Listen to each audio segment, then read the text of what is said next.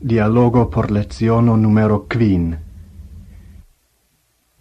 Jen la butiko. Bone, mi volas aceti planton por via patrino. Plantoin ci tre amas. Kaj ne nur plantojn. Ŝi tre amas florojn. Mia patro kutime donas al ŝi ruĝan rozon je ŝia datreveno. Nu, mi desiras aceti ancao floroin. Kion vi deziras? Ĉu vi volas aĉeti tulipojn aŭ violojn?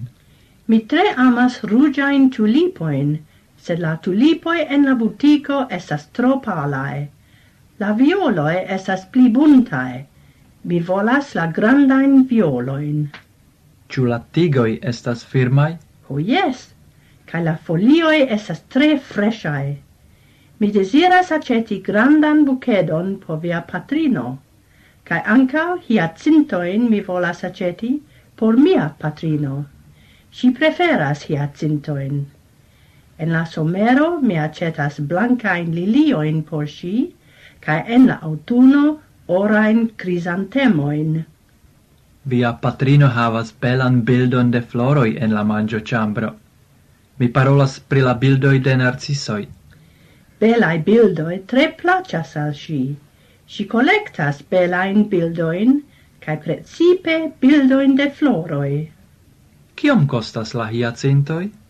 Ili ne tre costas. Mi intensas aceti du bucedoin.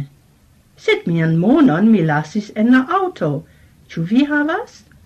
Jen, prenu. Dankon. Kaj anca mi intensas aceti floroin por via mantelo. Ho, mia cara, vi estas tre bon cora. Do, mi donas al vi kison ni ne previsitos la flor buticon de nove. Ha, jen, la floristo jam volvis la floroin cae la planton. Bone. Ču vi pagis po la floroi po mia mantelo? Yes, mi pagis. Cae nun mi volas trinki cafon. Ču ancau vi? Yes. Do alla cafeio. Sed unue fixu la floroin al mia mantelo. En ordo mi fixis ilin. Ĉu vi estas contenta? Tre contenta, mia cara.